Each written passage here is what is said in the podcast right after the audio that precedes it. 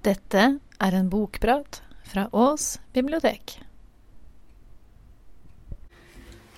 Ja, velkommen til Bokprat. Dere ser jeg har valgt et bilde med, fra mm, ørkenen med kameler. Det er fordi jeg skal snakke om en bok som heter 'Du er et dyr', Viskovic.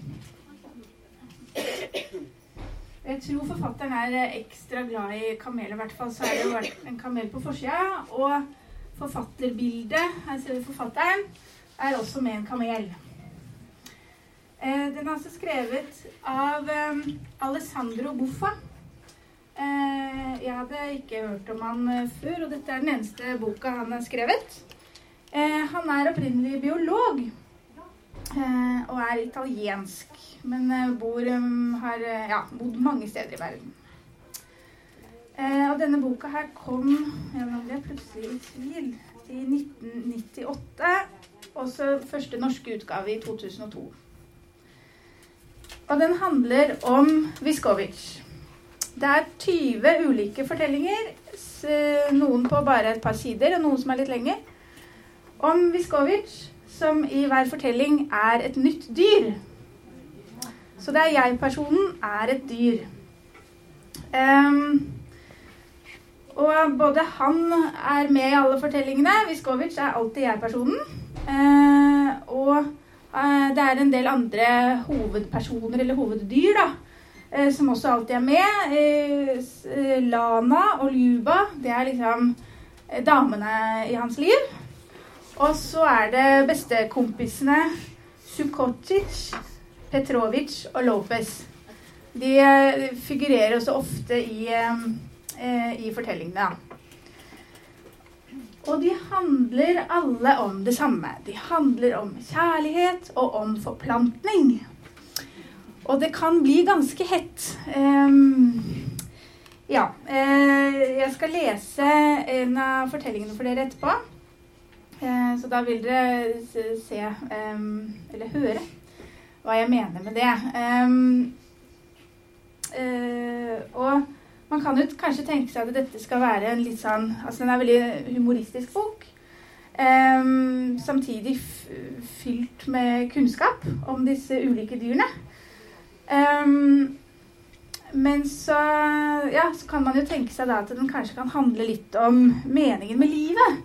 For her zoomer man litt ut, og så ser man det litt sånn fra dyrenes ståsted. Uh, det er nok ikke like Kjærligheten og forplantningen da er ikke like uh, Hva skal jeg si Poetisk og vakker som den kanskje hadde vært hvis den skulle blitt fortalt gjennom mennesker. Eh, men eh, han selv da sier at eh, dette er ikke en bok eh, som handler om meningen med tilværelsen. Hvis noe er vakkert eller morsomt, er det allerede meningen med tilværelsen. Så det var hans eh, syn på det. boka er oversatt av Jon Rognlien.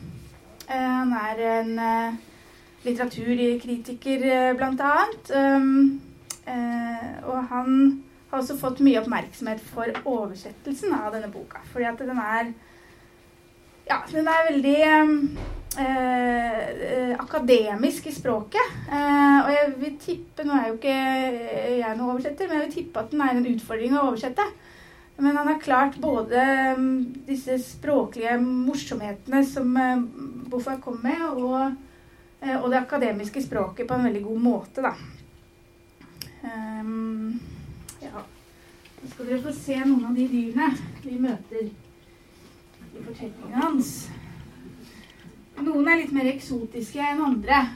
Ikke sant? Um, ja, grisen uh, tenker vi kanskje ikke på som et veldig eksotisk dyr, men her får vi i hvert fall en historie om grisen. Skorpionen derimot er jo litt mer spennende, da. Eh, møkkbille har vi her. Og en kameleon nederst her. Eh, ja, skogens konge kjenner dere selvfølgelig til. Elgen er med også i denne. Og her har vi kneleren, den som er her. Um, og bare for å gi dere en bitte liten smakebit på eh, denne sprø humoren Um, det kan jeg uh, gi dere ved å lese opp første, de første setningene i den historien som handler om kneleren.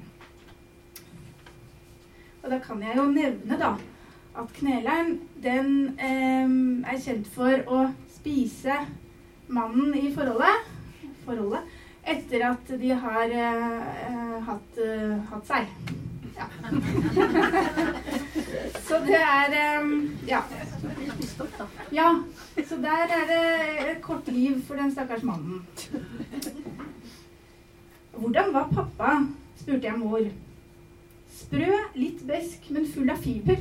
Jeg mente før du spiste han. Så der ser dere. Dette er liksom gjennomgående humoren. Um, ja. Og samtidig så eh, tar han på en måte hvert dyr sånn alvorlig. Det er sånn det er, det dyret. Sånn er det her. Eh, samtidig så er det jo en god del eh, menneskeliggjøring da, av dyrene. Eh, og den fortellingen jeg skal lese i sin helhet for dere, den handler om sneglen. Her ser dere jo bildet av en snegle. Uh, dere trenger ikke å kunne alt disse her forskjellige hvor, snei, hvor ja, nyrekanalen og sånt til sneglen her for å skjønne boka. Men jeg syns det var litt morsomt da når jeg først hadde lest den, å liksom se på et sånt bilde og tenke ja, hva, hva, hva her? Hva er hva? Um, ja. Jeg tror jeg bare begynner å lese, jeg, da. Men tenker du aldri på sex? Viskovic heter denne fortellingen. Og den er til, til tider litt sånn uh, litt het uh, Ja. Dere får se. Sex, kjønnsliv, kjønn. Jeg visste ikke engang at jeg hadde et. Tenk dere sjokket når de fortalte meg at jeg hadde to. Vi snegler, Visko, forklarte de gamle, er insufiserte hermafroditter. Æsj, ropte jeg. I vår familie også. Ja visst, barnet mitt. Vi er i stand til å utøve så vel den mannlige som den kvinnelige funksjonen. Det er ingenting å skamme seg over. Med raspetungen viste den gamle meg hvor de to redskapene befant seg. Men hvorfor insuffisiente strekker vi ikke til? Nei, det er eh, fordi vi bare kan pare oss med andre snegler dersom det foreligger en gjensidig tiltrekning. Aldri med oss selv. Hvem er det som har bestemt det, da? Slik er vår legning, Visko. Bare det å tenke på den andre muligheten er en dødssynd, svarte pappa-mamma. Et gys av angst rynket kappen min. Det er på tide du begynner å se deg om etter et godt parti, for paringstiden varer bare noen få uker. Forfjamset strakk jeg følehornene ut i forskjellige retninger. Men de nærmeste sneglene er jo flere måneders gange av sted. Hei, du tar feil, barnet mitt. Det er noen utmerkede ungdommer rett her i nabolaget. Men i nærheten så jeg bare Sukotic, Preto, eh, Pretovic og Lopez. De gamle gutta fra skolen. Dette måtte være en spøk. Dere ønsker vel ikke at jeg Jo, men de kommer fra gode familier med et ikke ubetydelig genetisk arvegods og gode muligheter for utvikling og vekst. Utseendet er ikke alt, Visko. Men har dere sett ordentlig på dem? Jeg rettet det rinoforet følehornet mot Sukotic. En radmager gastropod med nærmest skjoldformet hus, innvaginert øye og en atrofisk gjelle. Helt uspiselig, selv for et rovdyr ønsket de seg virkelig barnebarn som så slik ut. Med tiden vil du nok endre syn. Vi snegler har et ordtak. Elsk dine nærmeste, for den som er fjern, forblir det. Da vil jeg heller dø, sa jeg. Jeg tok farvel og trakk meg godt inn i min egen lille krok. Møysommelig stengte jeg skallåpningen og forseglet den med kalksalter. For man vet jo aldri. Det er ikke pent å proppe seg slik inn i skallet, lille Viscolino. For da begynner folk å tenke sitt. Ah, til helvete med folk. Av en eller annen grunn klarte jeg ikke å tenke på noe annet eh, enn kjønn. I flertall, altså. De neste dagene. I begynnelsen var det bare en udefinerbar kløe. Noen små hormonelle forstyrrelser som fikk meg til å dvele med blikket på foldene i kappen på enkelte snegler.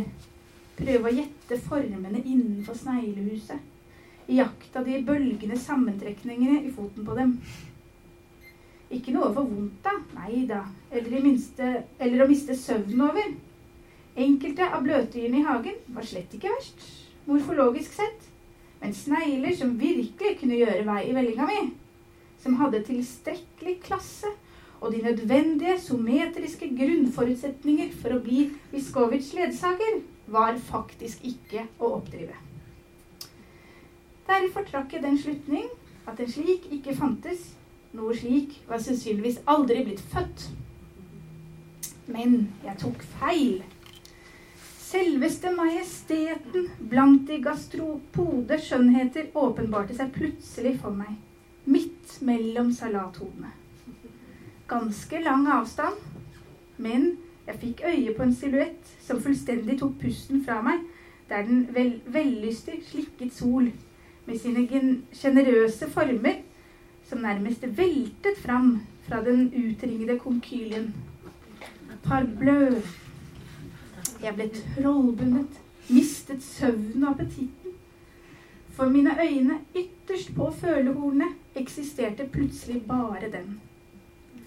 Jeg begynte å utskille slim uten noen grunn. Men hva skulle jeg gjøre? Min flamme var jo minst to snegleår unna. Hadde jeg lagt ut på ferden i dette øyeblikk, rast i vei som en gal og endog gitt avkall på vinterdvalen, ville jeg uansett ikke nådd frem dit før jeg var gammel og avfeldig. Hvis ikke Jo, det var akkurat det jeg tenkte. En sinnssyk tanke. Hva om også den ga seg til å forte seg mot meg? I så fall ville kontaktpunktet bli blant gress, eh, gresskarblomstene, og vi kunne forenes som to middelaldrende snegler. Jo mer jeg tenkte på det, jo mer besnæret ble jeg av hvor romantisk og storslagen en slik handling ville være. Forhastelsens kvaler, forsakelse av ungdommen for den forjettede kjærligheten. Er ikke kjærlighet uansett alltid et vågestykke?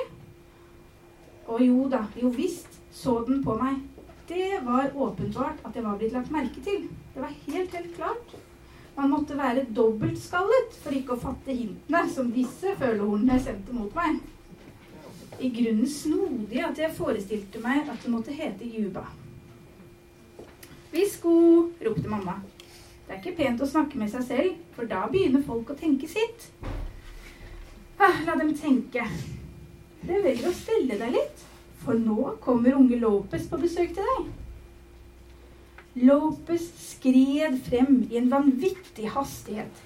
Siklet ut slim og gli fremover på, med ansiktet forvridd av kjødelig lyst. Munnflikene utspilt, kalkpilen dinglende.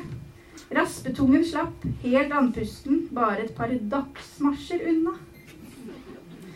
Men få timer lenger borte var Petrovic og Sukotic i fullt firsprang mot meg i et kappløp på liv og død om å få meg, for å hente nytelse i min unge kropp. Jeg kjente hemolymfen fryse til is og kappehulen stivne. I en krampetrekning av vemmelse sendte jeg ut kalkbilen. Jeg vendte, jeg vendte blikket mot salaten, og på et øyeblikk, et slikt øyeblikk som der et liv blir beseglet, var valget tatt. 'Jeg kommer', ropte jeg. Og også den beveget seg. Etter seks måneders løp var jeg helt ødelagt. Slike lidenskapelige raptuser passer ikke for bløtdyr, og spesielt ikke for oss snegler. Skjellene mine var irriterte, og kalkpilen hadde brutt sammen. Og siden paringstiden var over, hadde hormonnivået sunket, og dermed også den romantiske gløden. Ungdommen var forbi, og slimet hadde tørket inn. Jeg så kroppen min eldes raskere enn perspektivet på omgivelsene ble endret. Hvis livet er et kappløp med tiden, ja, det er i hvert fall én ting sikkert, nemlig at det er den som starter med forspranget i forhold til oss negler. Da jeg begynte på denne reisen, innbilte jeg meg at uansett hvor dårlig det kunne gå, så ville jeg i hvert fall oppdage verden. Få sett uutforskede territorier og fremmede kulturer mange desimeter av sted. Men jeg skjønte raskt at hele verden besto av grønt. Jeg hadde innbilt meg at jeg kunne bryte over tvert med fortiden. Men hver gang jeg vred på følehornene, var det alltid slektninger og bekjente i nærheten med sine bebreidende blikk og skuffede og sinte ansiktsuttrykk. Våre barndomssnegler forblir alltid innenfor synsfeltet, i likhet med dem som hører alderdommen til. For oss eksisterer det ikke tilfeldige møter, og det finnes ikke noe privatliv. Da er det sikkert ikke så vanskelig å forstå hvorfor man trenger et skall. Uansett hvor slitsomt det måtte være å bære på ryggen.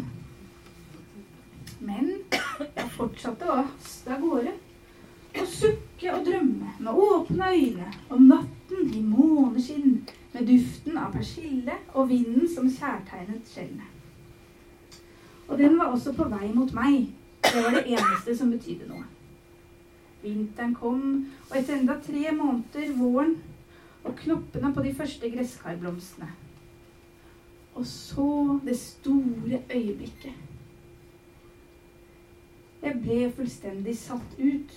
Verden raste sammen under foten på meg. Ikke rart den andre hadde vært imøtekommende og besvart mine kall. Den var et speilbilde. Jeg tok en runde rundt vannposten og så meg selv gråte de siste dråpene av slim i stillhet. Stakkars Viskovic. Jeg følte en grenseløs ømhet overfor meg. Så lente jeg meg mot den speilblanke forligningen og lo av full hals. Ja, hva annet kunne jeg gjøre? Jo, jeg lo av det hele. Eller snarere, vi lo av det hele. Men straks ble mitt eget bilde alvorlig og begynte å granske meg oppmerksomt. Så vakker jeg var. Bløtaktig feminin og virilt djerv. Jeg klarte ikke å ta øynene vekk fra meg selv. Jeg var fortsatt et enestående dyr. Sannsynligvis tidenes mest tiltrekkende vesen. Usedvanlig sexy til å være et bløtdyr. En sensuell raspetunge på uforlignelige skjell. Elastisk og tettbygd kropp. Et mimetisk, men elegant sneglehus. Og en forplantningsutrustning. Parblø. I et, I et glimt sto meningen i hele denne affæren klinkende klar for meg. Jeg bøyde sjenert følehornenes øyne mot hverandre, og for første gang festet høyre på pupill blikket på den venstre. Jeg kjente kortslutningens sjelens kuldegys, og jeg klarte bare å mumle frem en banal setning. Jeg elsker deg, Viskovic. Jeg og ditt fjols. Med raspetungen kjærtegnet jeg varsomt esotomaen, og med den dist distale delen av foten streifet jeg den proksimale.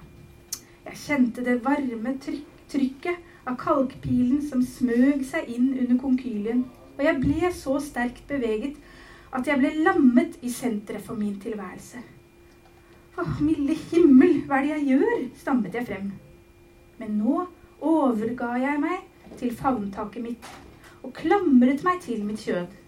Jeg var beruset av begjær. Jeg presset meg inntil meg. Jeg skalv ved den klebrige kontakten med dermaen. Jeg drakk meg full på slimets klebrige safter. Glupsk higet jeg etter å ta de bedårende lemmene i besittelse. Fortvilet omsvinget jeg meg selv.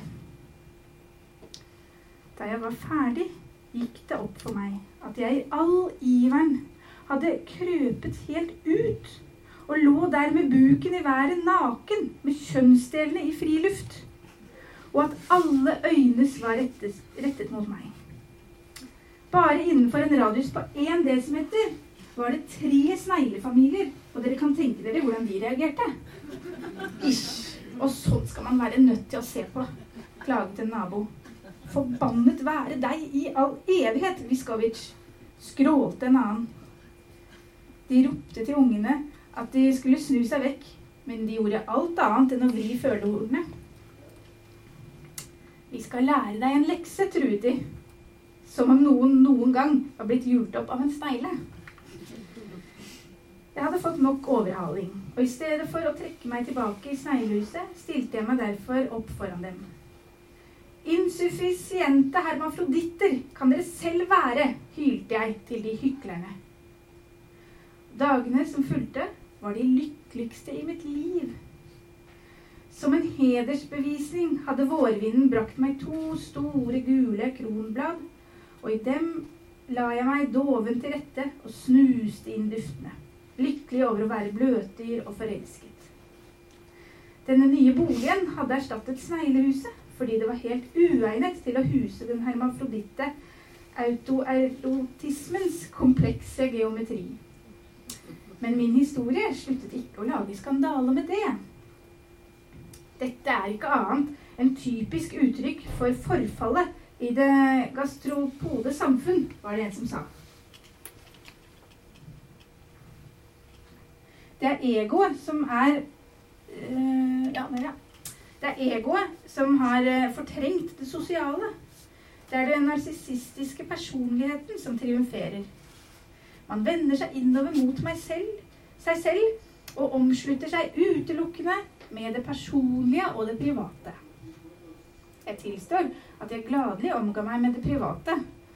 Det er en av de få fordelene ved ikke å ha ryggrad. Og så var det de som forsøkte seg på å psykoanalysere meg. I den sekundære narsissismen vender den frustrerte kjærligheten seg mot selve igjen og utvikler seg til stormannsgalskap. En delirisk overvurdering av seg selv. Jeget opplever seg selv som Gud. Nei, det hadde ikke falt meg inn at jeg var Gud. Da må det nok heller være han som har satt ut visse rykter. Men stilt ovenfor alderdommen som trenger seg på, knuses drømmen om den velsignede forlengelsen av barndommens allmakt. Og dermed bryter narsissistens selvforsvarssystem sammen. Og jeg må innrømme at jeg hatet å bli eldre. Alderdommen gjorde meg sjalu. Mer enn én gang hadde jeg overrasket meg selv i å fantasere om en yngre snegle, og hjertet mitt gikk i knas. Selvfølgelig var den sneglen bestandig meg selv mitt ungdommelige bilde som lå og koste seg i salaten. Men det gjorde ikke smerten mindre.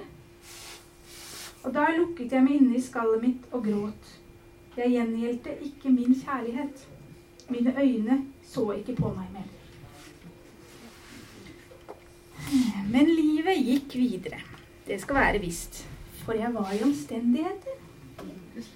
Jeg levde i frykt for at historiene som går om skadevirkningene av befruktning skulle være sanne, og at resultatet ble at jeg avlet misfostre. Kanskje med min mobile hjelm i kremmerhusform, eh, eller med spaltet fot, sånn som ville prøvd å gi meg skyldfølelse for resten av livet. Men jeg tok feil. Så snart jeg så den nyfødte krusedullen av, barn, av et barn, mitt barn, Viskovic, kjente jeg den igjen. Var, det var selveste majesteten blant de gastropode skjønnheter. Den perfekte kopi av sin forelder. Mer lik en guddom enn et bløtdyr. Og når den var så liten, så den ut som en snegle sett på avstand. Den sneglen sett på avstand. Åh, noe så nydelig. Med raspetungen særtegnet jeg varsomt esostomaen. Med den distale delen av foten streifet jeg den proksimale. 'Jeg elsker deg, Viskovic', stotret jeg frem. 'Jeg også, Viskovic', fikk jeg til svar. Og som i eventyrene var det kjærligheten som seiret til slutt. Men denne gang var det ikke slutt. Det ville aldri bli noen slutt. Ish. Og sånt skal man være nødt til å se på, klaget en nabo.